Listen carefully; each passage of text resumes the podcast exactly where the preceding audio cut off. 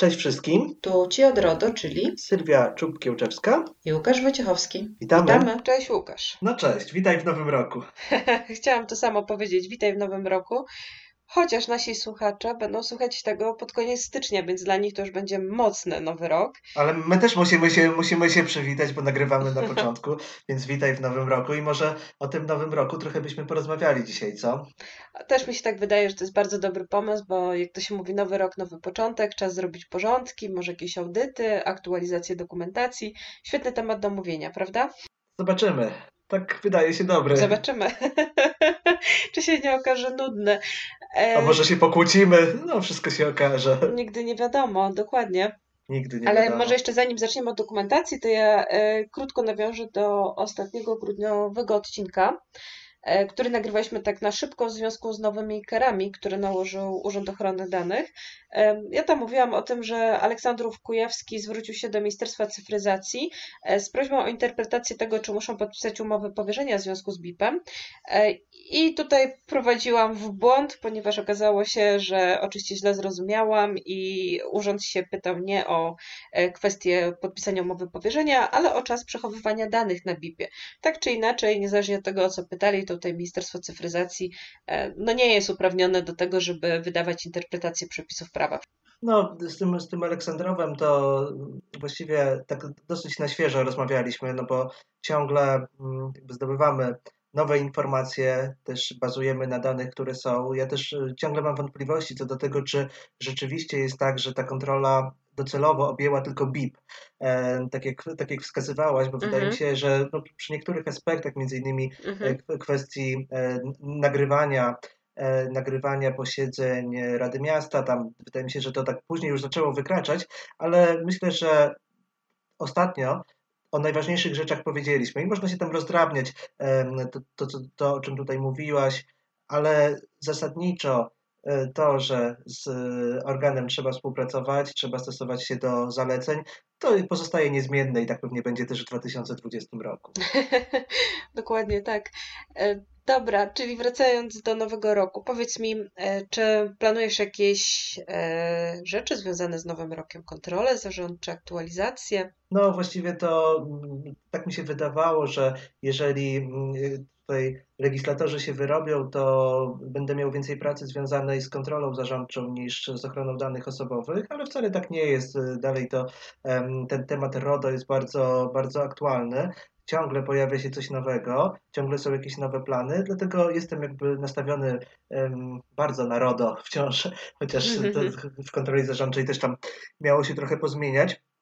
I wydaje mi się, że um, jeżeli komukolwiek się wydawało, że 2018 rok zamknie kwestię RODO, to był w dużym błędzie. E, nie tylko 2019 rok to potwierdził, ale też myślę, że potwierdzi to rok 2020. Będziemy mieli dużo pracy, e, będzie wiele pytań się pojawiało, e, będziemy też ciągle wchodzić w przepisy sektorowe, pewne kwestie rozstrzygać, o pewnych debatować, o pewne się kłócić. Jestem przekonany, że każdy, kto zajmuje się ochroną danych osobowych, nie będzie się nudził Zresztą nie tylko w 20, tylko myślę, że też w 2030 na pewno. O, wiesz, e, przypomniało mi się, że jakiś czas temu mówiono o zawodach przyszłości. Jednym z zawodów był broker danych, a drugim właśnie inspektor ochrony danych. I to mają być najpopularniejsze zawody przyszłości. W związku z tym myślę, że e, jeszcze przez wiele, wiele lat kwestia ochrony danych e, no, będzie cieszyła się powodzeniem. Zwłaszcza, że no, świadomość ludzi wzrosła, zapotrzebowanie na ochronę prywatności wzrasta, więc nawet jeżeli to nie będzie już ochrona firmowa, to może prywatna. Zobaczymy, jak się będzie to rozwijać. Natomiast Natomiast wracając do kwestii noworocznych porządków, dostałam trochę pytań związanych z aktualizacją dokumentacji. I stwierdziłam, że warto o tym powiedzieć, dlatego że ludzie pytają, czy jeżeli ktoś zrobił tę dokumentację, bardzo często zdarza się, że to jest specjalista, który był zatrudniany na początku 2018 roku, e, albo była to e, jakaś zewnętrzna firma, która, wiesz, bierze odpowiedzialność za tę dokumentację. Czy jeżeli ktoś taki zrobił dokumentację, to czy nam wolno ją zaktualizować? No, oczywiście. To jest jedno z często z częściej zadawanych pytań. Wydaje mi się, że mm, powinniśmy podkreślić, że nawet jeżeli zrobiła to firma, wystawiła za to fakturę, mamy umowę, e, jakąś tam odpowiedzialność biorą, to trzeba pamiętać, że administrator danych osobowych jest właścicielem dokumentacji i całkowicie za nią odpowiada. Również nie inspektor ochrony danych, ale administrator. E, I aktualizację, no nie można, ale trzeba aktualizować, przepraszam, dokumentację nie można, ale trzeba aktualizować. Jest to e, konieczność, dlatego że zmienia się rzeczywistość, zmieniają się różne rzeczy. Ja już nie myślę tylko o rejestrze czynności przetwarzania, ja nie myślę tylko o mm, e, na przykład ewidencji naruszeń, ale myślę nawet o tym, jak funkcjonuje dana jednostka, dana firma, dana instytucja, przecież to wszystko się zmienia. Nie uwierzę, że poza jakimiś wyjątkami, naprawdę wyjątkami, u kogoś się nic nie zmienia. Ty pewnie też w to nie wierzysz. No zdecydowanie nie. Powiem więcej, myślę, że aktualizacja dokumentacji jest ważna i zawsze zwracam na to uwagę, bo sam Urząd Ochrony Danych, jak przychodzi do Ciebie z kontrolą, prosi na dzień dobry o Twoją dokumentację ochrony danych i sprawdza jej adekwatność do procesów przetwarzania, które są u Ciebie. Czy jeżeli ta dokumentacja nie była aktualizowana od roku, rok to wcale nie jest dużo z punktu widzenia działalności gospodarczej, ale jeżeli nie była aktualizowana, to najprawdopodobniej jest nieaktualna czy nieadekwatna i już możesz mieć naruszenie ochrony danych, tak? Mimo, że aktualizacja była zrobiona tip-top, znaczy dokumentacja była zrobiona tip-top. Tak, ja też wiesz co, spotykam się czasem z tym, że e, ktoś mi pokazuje, no u nas w 2018 roku została, zostały opracowane metody i została zrobiona analiza ryzyka, była taka firma, oni nam pomogli, my to mamy wszystko wypełnione, no i ja to biorę, patrzę, no i mówię, no dobra, macie to wypełnione, ale to czas leci, kochani, już prawie dwa lata i e, po to te metody zostały stworzone, żeby to chociaż raz w roku zrobić ponownie. E, no ale jak, to, no i pojawia się pytanie, jak to, to mamy znowu tą firmę, znowu tam kupić jakieś rozwiązanie. Nie, no już właśnie po to ta firma to zrobiła raz, żeby teraz na tych e, ich metodach proszę to dokładnie przeczytać, zapoznać się z tym, zobaczyć sobie, co oni zaproponowali. Te metody są bardzo dobre często, bo nie ma jednej metody, metod jest wiele, prawda? Każdy szuka mhm. swojej. No ale trzeba teraz od nowa jakby przejrzeć to. E, no już nie mówiąc o tym, Sylwia, możemy to powiedzieć szczerze, w 2018 roku wszyscy się bardzo spieszyli. Mam na myśli na przykład firmy, które robiły dokumentację. Zdarzały się tam chochliki. E, ktoś e, robił dla instytucji publicznej. Tak, tak, mhm. już nie chciałem tak tego nazywać, ale to tak było. Ktoś robił wcześniej, tak, ktoś robił wcześniej dla szkoły, potem robił dla przychodni, skopiował. Na no, przychodni nie ma ławek i uczniów, tylko są pacjenci i gabinety, prawda? Mhm, Zdarzały się e, różnego rodzaju tego typu sprawy. I to jest też dobry moment, żeby to, żeby przejrzeć. Zwłaszcza, że ja wszystkim mówię, że tak naprawdę okres przejściowy już się skończył. Właściwie skończył się w połowie 2019 roku. No jak pojawiła się ustawa wdrażająca RODO, zmieniły się te przepisy sektorowe w bardzo szerokim zakresie i tak naprawdę już kary się pojawiają, więc nie można mówić o tym, że a, bo to takie świeże, to będzie coraz mniej świeże, to RODO będzie coraz bardziej czerstwe e, i musimy sobie z tego zdawać sprawę. Nie wiem, czy czerst, nie wiem, czy wiesz, ale czerstwy po czesku znaczy świeży, więc no, można zawsze jest... różnie zinterpretować to, co mówisz. E, tak. Natomiast Natomiast e, Właśnie, powiedziałeś o tym, że w 2018 roku na szybko robiliśmy dokumentację. E, szczególnie firmy e, robiły dokumentację, bo one zazwyczaj nie miały. I w ramach tej dokumentacji pojawiła się analiza ryzyka. Powiedzmy sobie szczerze, analiza ryzyka jest bardzo istotną częścią naszego systemu ochrony danych. No, wynika wprost z RODO, bo RODO mówi, musisz dostosować procesy przetwarzania do ryzyk i zagrożeń dla danych, dla procesów przetwarzania, które masz u siebie.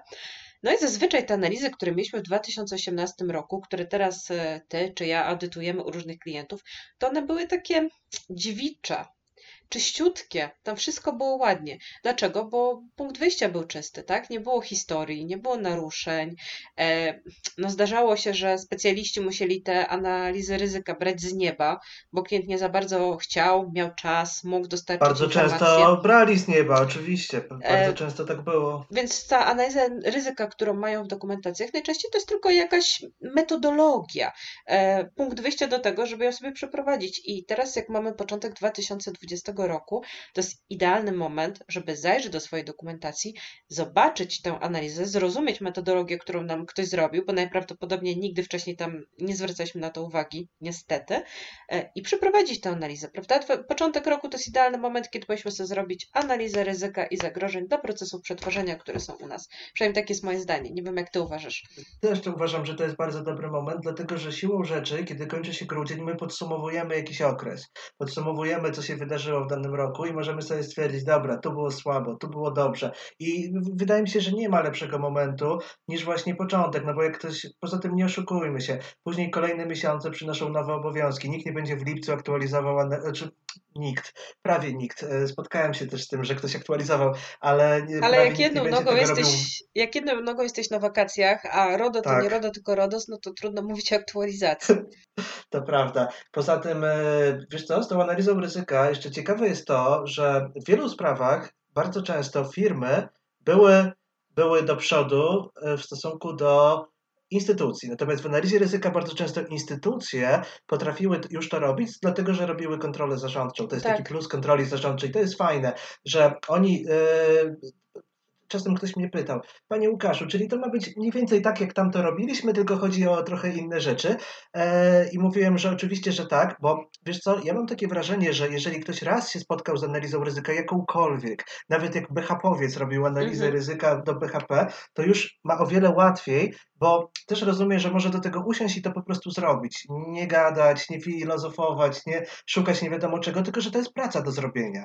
Praca znaczy, do tak... zrobienia na określonych zasadach. Tak, wiesz, dobrze to powiedziałeś. Tak naprawdę najtrudniejsze jest e, dobranie odpowiedniej metodologii i zrozumienie tej metodologii. Jeżeli miałeś już jakieś metody, czy z kontroli zarządczej, czy z, z czegokolwiek innego, tak jak powiedziałeś, na przykład e, ryzyko związane z wypadkami, to jest tobie łatwiej, bo masz już gotowe narzędzie, z którego możesz skorzystać. Jeżeli ktoś w ramach dokumentacji ochrony danych też dał Ci takie narzędzia, no to też masz łatwiej, bo już możesz je wykorzystać.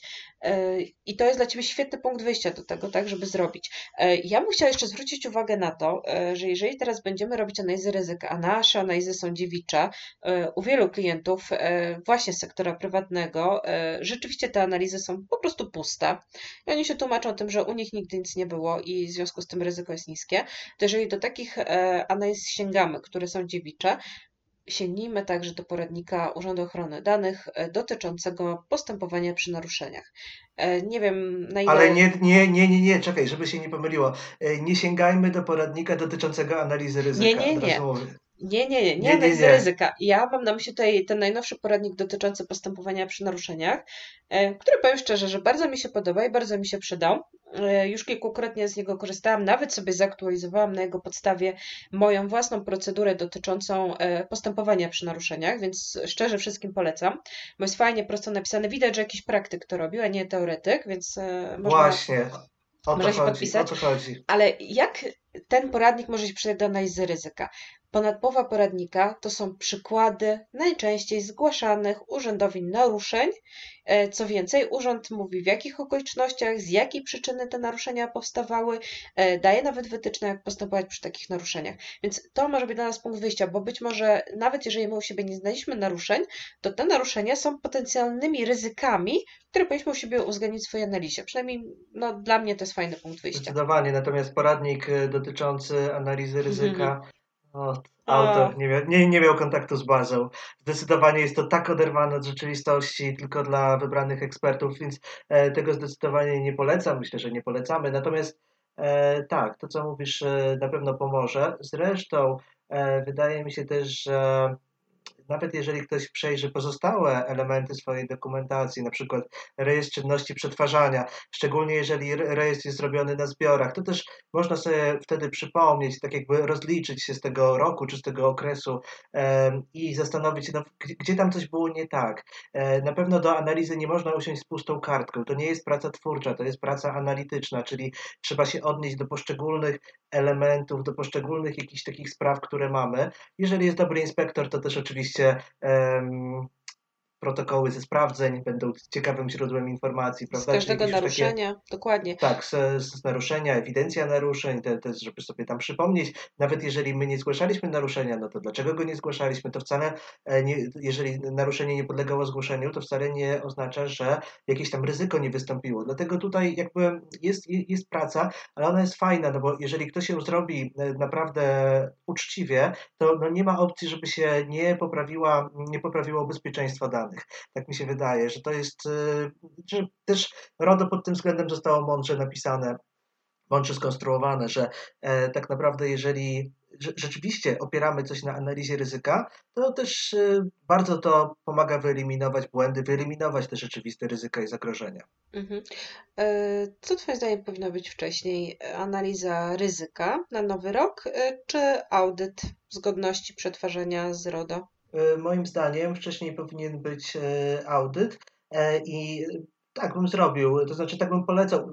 Być, może w niektórych, w niektórych e, instytucjach czy firmach e, można by jakoś to zmodyfikować, to moje polecenie, ale mm, audyt e, pozwala na też zdobycie wielu wartościowych informacji po, do, do, do, przeprowadzenia analizy ryzyka. Natomiast gdyby ktoś robił audyt po analizie ryzyka, też jakby nie widzę w tym E, nie widzę w tym nic złego. E, jeżeli jest w stanie zebrać te informacje do analizy ryzyka z innych źródeł, e, no to potem ten audyt może potwierdzić, czy analiza ryzyka była, została dobrze zrobiona. Tak, ale myślę, że częściej okaże się tak, że jak zrobisz audyt, to będziesz musiał na nowo przeprowadzić kolejną analizę ryzyka, ponieważ no, audyt służy temu, żeby zidentyfikować ryzyka.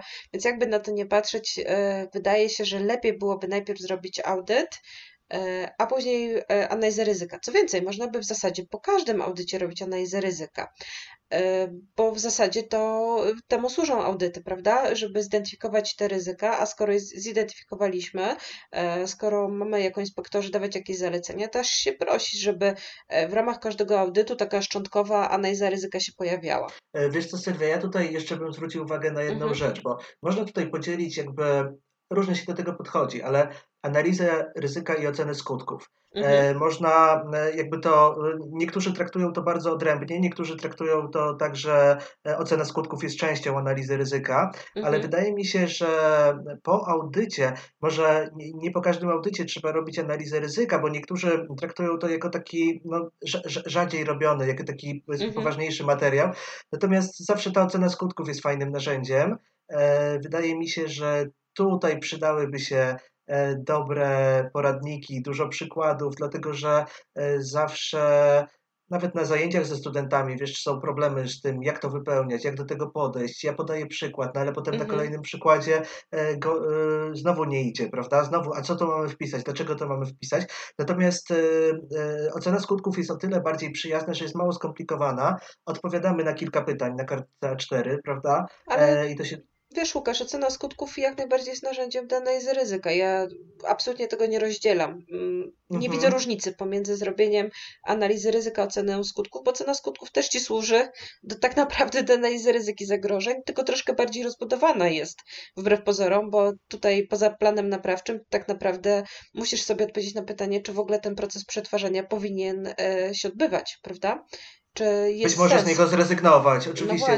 No Dlatego mówimy, mówimy ciągle o narzędziach bardzo dynamicznych i tak naprawdę to wydaje mi się, że intencją ustawodawcy, znaczy, żeby tak nie brzmieć bardzo poważnie, jakby intencją twórców RODO, intencją um, tych, którzy myśleli, jak to ma wyglądać, jest to, żeby to ciągle się działo, żeby wypełnić tą kartkę, wrócić, e, zastanowić się, znowu wypełnić, znowu mhm. wrócić, znowu zrobić audyt, żeby to działało dynamicznie. Natomiast e, dla tych, którzy, no powiedzmy sobie szczerze, nie mają na to czasu, trochę e, bardziej płytko wchodzą w ochronę danych osobowych, to to, co mówiłaś wcześniej, ten styczeń, dobry moment na analizę ryzyka, jeżeli ktoś to robi rzeczywiście w cyklu rocznym, prawda? No bo jeżeli u kogoś to żyje, i e, często na bieżąco do jakiegoś nowego procesu przetwarzania e, e, robi się oceny skutków. Ona coś wykazuje, więc mhm. wracamy, więc robimy ją ponownie. No to jest najlepsze wyjście, tylko że nie u każdego to tak działa, nie oszukujmy się. Dokładnie tak. Wracając jeszcze do aktualizacji dokumentacji ochrony danych, E, powiedzmy sobie, co naszym zdaniem w tym roku powinno się znaleźć w ramach e, aktualizacji w naszej dokumentacji. Bo myślę, że na podstawie tegorocznych doświadczeń, e, kontroli UODO, poradników UODO, e, rozmów z klientami, doszliśmy do pewnych wniosków, prawda, jak powinna ta dokumentacja na 2020 rok wyglądać. E, z mojego punktu widzenia na pewno powinny się znaleźć w niej procedury realizacji praw osób, których dane dotyczą, ja przyznam szczerze, jeszcze w 2018 uważałam, że skoro wszystko jest pięknie napisane w RODO, to po co to wrzucać w dokumentację? E, bo wystarczy... Nie zaszkodzi. Nie zaszkodzi. No właśnie. Jednak się okazuje, że klienci sobie z tym nie radzą. Samo UODO też zwróciło na to uwagę. E, drugie, co jest istotne, czego często brakuje, no to procedura postępowania przy naruszeniach ochrony danych. E, I tutaj widzę największy problem nie z samym postępowaniem, co z oceną ryzyka naruszenia. Czyli znowu analiza ryzyka, wracamy do tego.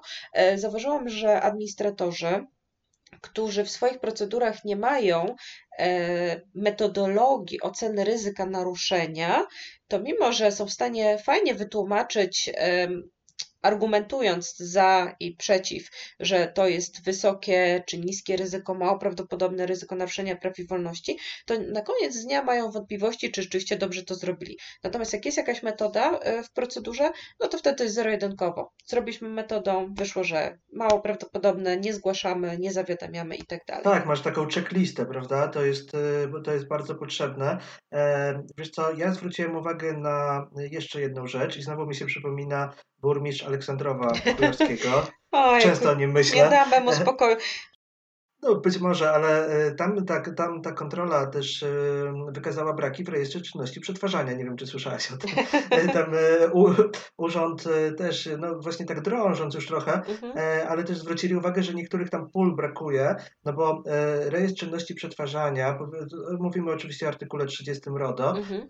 on, to, to, co wynika z RODO, no wcale nie wynika, że tam mają być jakieś czynności przetwarzania, tylko bardziej wynika to, że tam jest kilka obowiązkowych elementów, które są wymienione w takim katalogu. E, no tylko ten, ten katalog nie ma takiego charakteru zamkniętego. My sobie możemy dopisywać tam mhm. różne, różne pozycje, ale ty, ty to wiesz i ja to wiem, że, jest, że rejestr czynności przetwarzania jest sprawdzany.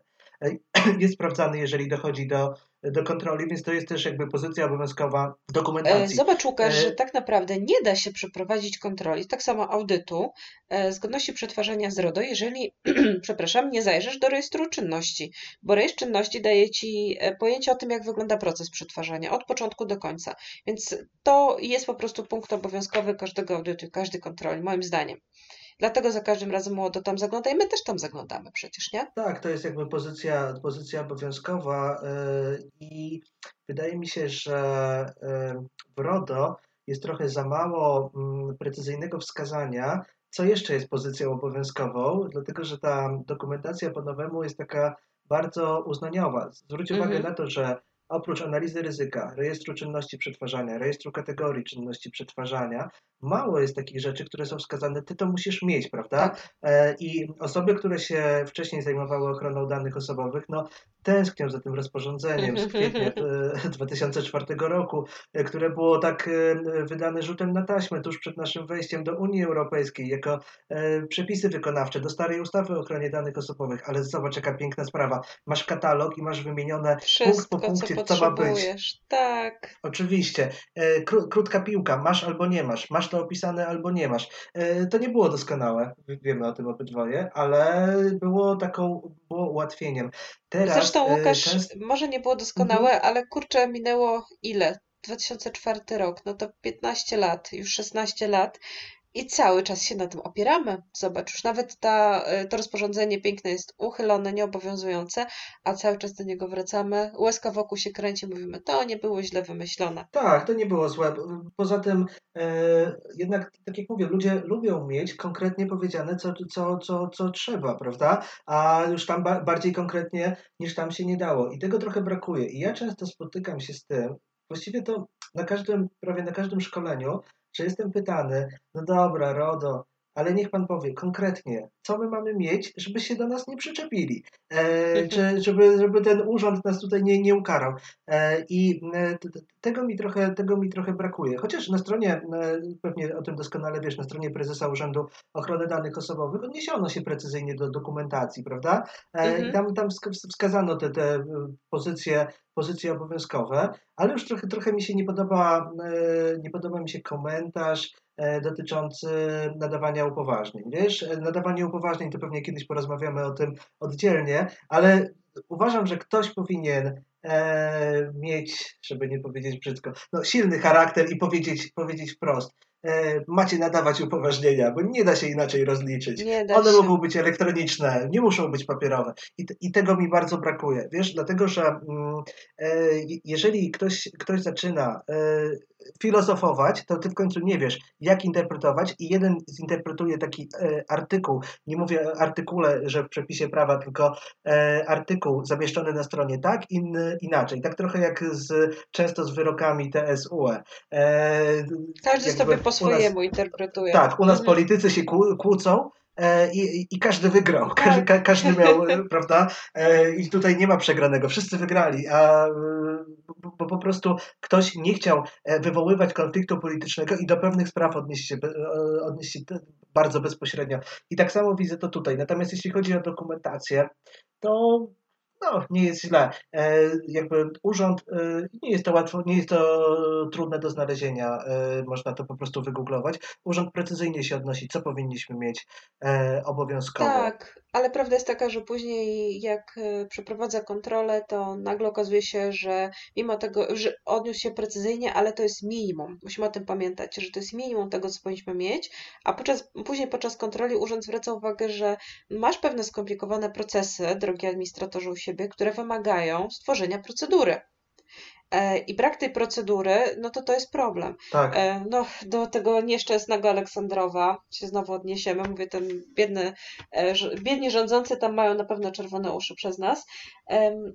Czego tam zabrakło? Zobacz, tam zabrakło procedury przeglądów BIP i procedury aktualizacji e, BIP, e, treści zamieszczonych w BIP pod kątem czasu e, ich publikacji. Przecież żaden przepis nie mówi o tym, że musisz mieć taką procedurę.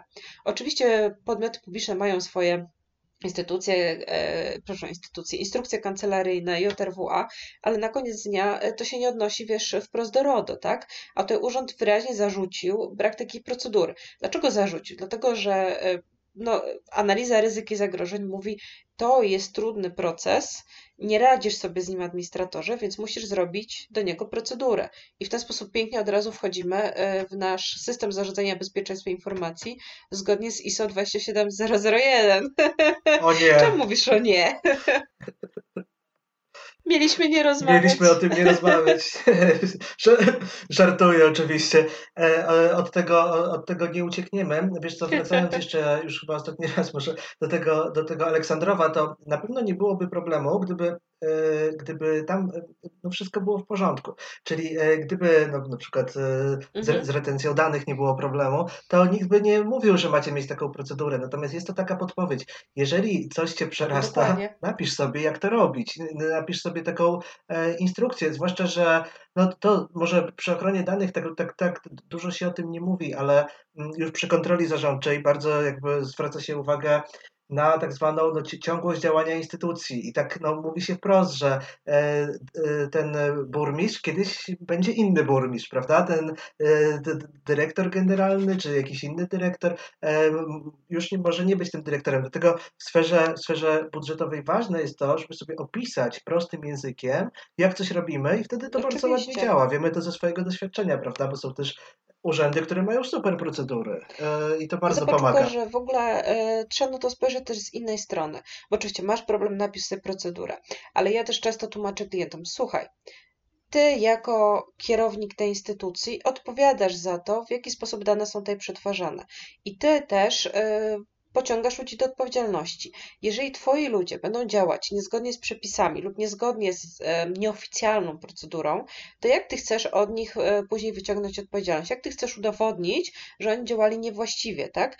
E, jeżeli nie zostali upoważnieni w odpowiedni sposób do przetwarzania danych, to jak im udowodnisz, że oni nie mieli prawa przetwarzać tych danych albo że przetwarzali je niewłaściwie?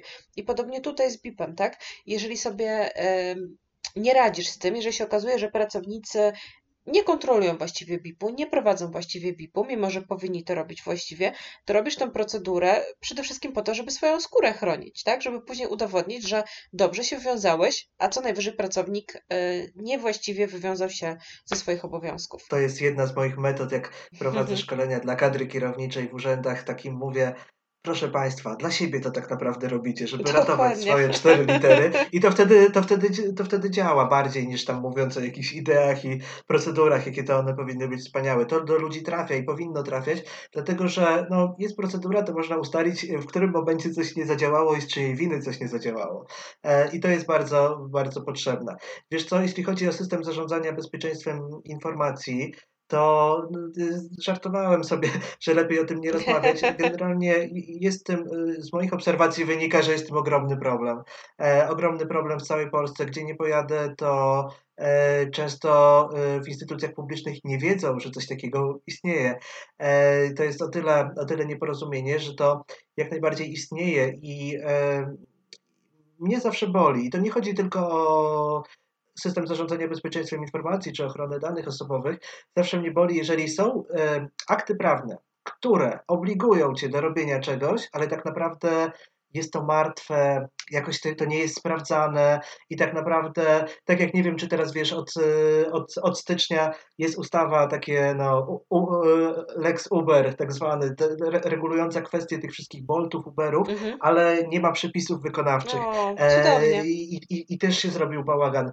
No, a tak samo, tak, tak samo e, tutaj przepisy wykonawcze są, no ale jakby nikt się za to nie wziął, nikt nie powiedział jak. Natomiast jeśli chodzi o, o samo to SZBI, to e, myślę, że mm, my możemy o tym mówić jako o zbiorze procedur właśnie i tak na to patrzmy, prawda? E, zbiorze procedur, które może jakby tworzenie tego zbioru po, pozwala nam uporządkować to, co jest i może się przyczynić do tego, że my opracujemy jakiś nowy dokument e, w instytucji publicznej, no dlatego, że widać wyraźnie po zrobieniu sobie takiego spisu treści, po numerowaniu tego, nadaniu literek e, czy cyferek, że czegoś po prostu nam brakuje. Ja bym proponował tak na to patrzeć, a rozmawiać o tym byśmy mogli bardzo dużo. Nie bójmy się tworzyć nowych procedur, nie bójmy się rozbudowywać naszej dokumentacji ochrony danych, rozbudowywać naszych polityk, e, ponieważ to jest ważne, żeby się pojawiały nowe procedury. Tak, nie bójmy się, że tego zrobić za dużo, bo za dużo jest tylko wtedy, kiedy te procedury są martwe. Natomiast kiedy one działają, kiedy mają zastosowanie, choćby były najprostsze i najgłupsze, e, to to ma sens. Zwłaszcza, że e, też jakby od osób, które chronią dane osobowe, od, od osób, szefów, administratorów danych osobowych, mówiąc krótko, wymagane jest to, żeby ciągle coś robić. Stworzenie nowej procedury e, pozwala udowodnić, że no dobra, my w 2019 coś robiliśmy, zastanawialiśmy się nad tym, jak to u nas wygląda, między innymi ten sposób, że zrobiliśmy nowe procedury. Zwłaszcza jeżeli inspektor nie robi sprawdzeń i audytów, e, czy robi to zbyt rzadko, no to administrator może się ratować tym, że my coś tak jakby zmieniamy, nowelizujemy, mówiąc tutaj kolokwialnie e, w, w, tym kontekście, e, zmieniamy u siebie. Okej, okay. to kto powinien aktualizować? Powinien to robić szef albo osoby, które wyznaczy. No właśnie, bo najczęściej się uważa, że tak jeszcze powinien robić inspektor ochrony danych. Oczywiście on jest specjalistą stosowania e, przepisów o ochronie danych, ale niekoniecznie osobą, która powinna aktualizować procedury. Przynajmniej ja tak uważam, nie wiem jak ty. W życiu, Sylwia, inspektor nie powinien w ogóle e, brać na siebie takiej roli. Tak jak rozmawialiśmy kiedyś, inspektor to nie jest pan czy pani od wszystkiego związanego z RODO. Inspektor może pomóc stworzyć taką procedurę, może ją zlecić nawet na, na, na czy może ją stworzyć na zlecenie e, szefa, ale to nie jest osoba, która tą procedurę e, wprowadzi i która e, powinna się pod nią podpisywać. Za wszystko powinien odpowiadać administrator danych osobowych, zresztą odpowiada e, i powinien też jakby czuć tą odpowiedzialność. E, tutaj, tutaj ja nie mam wątpliwości. I tak samo pracownicy merytoryczni, prawda? Bo jeżeli inspektor będzie robił jakieś procedury w oderwaniu od od e, komórki organizacyjnej, która później będzie musiała stosować te procedury, no to one na pewno będą martwe, będą, nie będą miały zastosowania do ich codziennej pracy, będą im przeszkadzać zamiast pomagać. Tak, oczywiście nasz e, podcast ma charakter bardzo uniwersalny, bo słuchają nas przedsiębiorcy, słuchają nas pracownicy sfery budżetowej, więc e, w jakimś tam stopniu ogólności się poruszamy, ale zawsze jest tak, że inicjatywa z góry, sprawdzanie tego wszystkiego e, z góry, gdzieś tam z tego, tego szefostwa, właściciela, dyrektora, e, czy jakiegoś tam prezesa e, i tak dalej, no to tak powinno iść, ale też taka osoba sama tego nie będzie pisała, natomiast powinna jakoś koordynować ten, ten proces. I absolutnie nie może być tak, że ja spotykałem się z tym nawet w takich mniejszych instytucjach publicznych, że w każdym wydziale czy w każdym dziale tworzono swoje procedury często sprzeczne. A bo tutaj to, to, pani, pani, pani księgowa ma trudny charakter, to tam się jej nie czepiamy, ale ona właśnie tutaj taką procedurę stworzyła. E, e, i taki, takiego czegoś nie powinno być. Ale to się zdarza. Ale ona może stworzyć, tylko powinno to trafić do inspektora ochrony danych, który skoliguje tę e, procedurę z innymi procedurami, które są e, i wtedy zaleci administratorowi, żeby taką procedurę e, dorzucić do naszego systemu ochrony danych. E, wiesz co, jeszcze na jedną rzecz chcę taką techniczną zwrócić uwagę, bo trochę nam się czas kończy. E, trzeba zostawić sobie historię zmian. Powinna być widoczna stara dokumentacja i nowa. Musimy zachować starą dokumentację, o, dobrze, że o tym mówisz, zdecydowanie. E, no właśnie, i na przykład stosuje się czasami e, takie tabelki na pierwszej stronie, gdzie się zaznacza, kto którą wersję wyprodukował, kiedy została zatwierdzona, musi być podpis administratora danych, który to zatwierdził, wraz z datą, kiedy zostało zatwierdzone, żebyśmy byli w stanie udowodnić e, to, że ta dokumentacja zmieniała się w czasie, prawda? I to, jak ona wyglądała wcześniej. To jest bardzo ważne.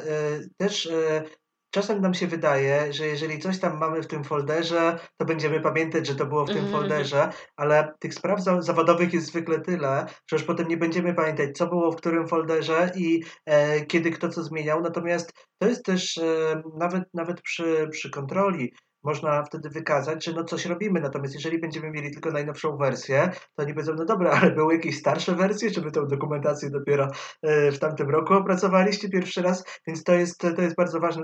Dobrze, że zwróciłaś na to uwagę. Jeszcze bym zwróciła uwagę, słuchaj, na to, że e, o ile dokumentację wprowadzamy oficjalnie, uchwałą albo zarządzeniem, jeżeli jesteś jednoosobową działalnością gospodarczą, no tutaj nie masz takiej możliwości, chyba że zatrudniasz pracowników, no to wtedy możesz e, to wprowadzić jakimś na przykład obwieszczeniem E, I za każdym razem, kiedy aktualizujemy, robimy to dokładnie w ten sam sposób, czyli też musimy oficjalnie wprowadzić zmianę.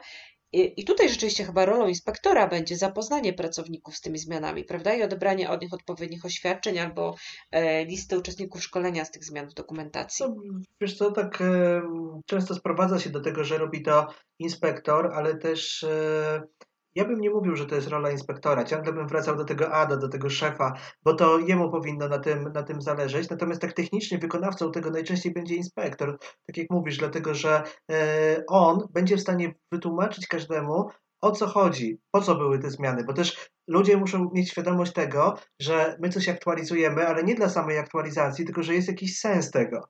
E, chociażby po to, żeby uwierzyć w, w, konieczność tych zmian i żeby je wdrażać w życie. Czyli, no dobra, do tej pory było tak, ale tutaj zwróciliśmy uwagę, że jeszcze to, to, to i to jest, wymaga e, jakiegoś doprecyzowania czy zmiany e, i to jakby korzystnie działa na to, jak to zostanie, jak to zostanie wdrożone. Spotykałem się z tym, że dyrektor, e, na przykład dyrektor szkoły brał radę pedagogiczną, zapraszał e, na część tej rady pracowników administracji i sam mówił, jakie zmiany zostały wdrożone i to było coś pięknego, bo to świadczyło o tym, że ten szef no, tak zna swoją instytucję, że wie, jakie zmiany w konkretnej procedurze. I mówił, proszę Państwa, to jest po to, a to jest po to. I to było bardzo fajne, ale też no, trzeba twardo stąpać po ziemi, po ziemi. Często e, dyrektor, szef nie ma czasu, dlatego no, niech to zrobi inspektor, niech to zrobi dobrze.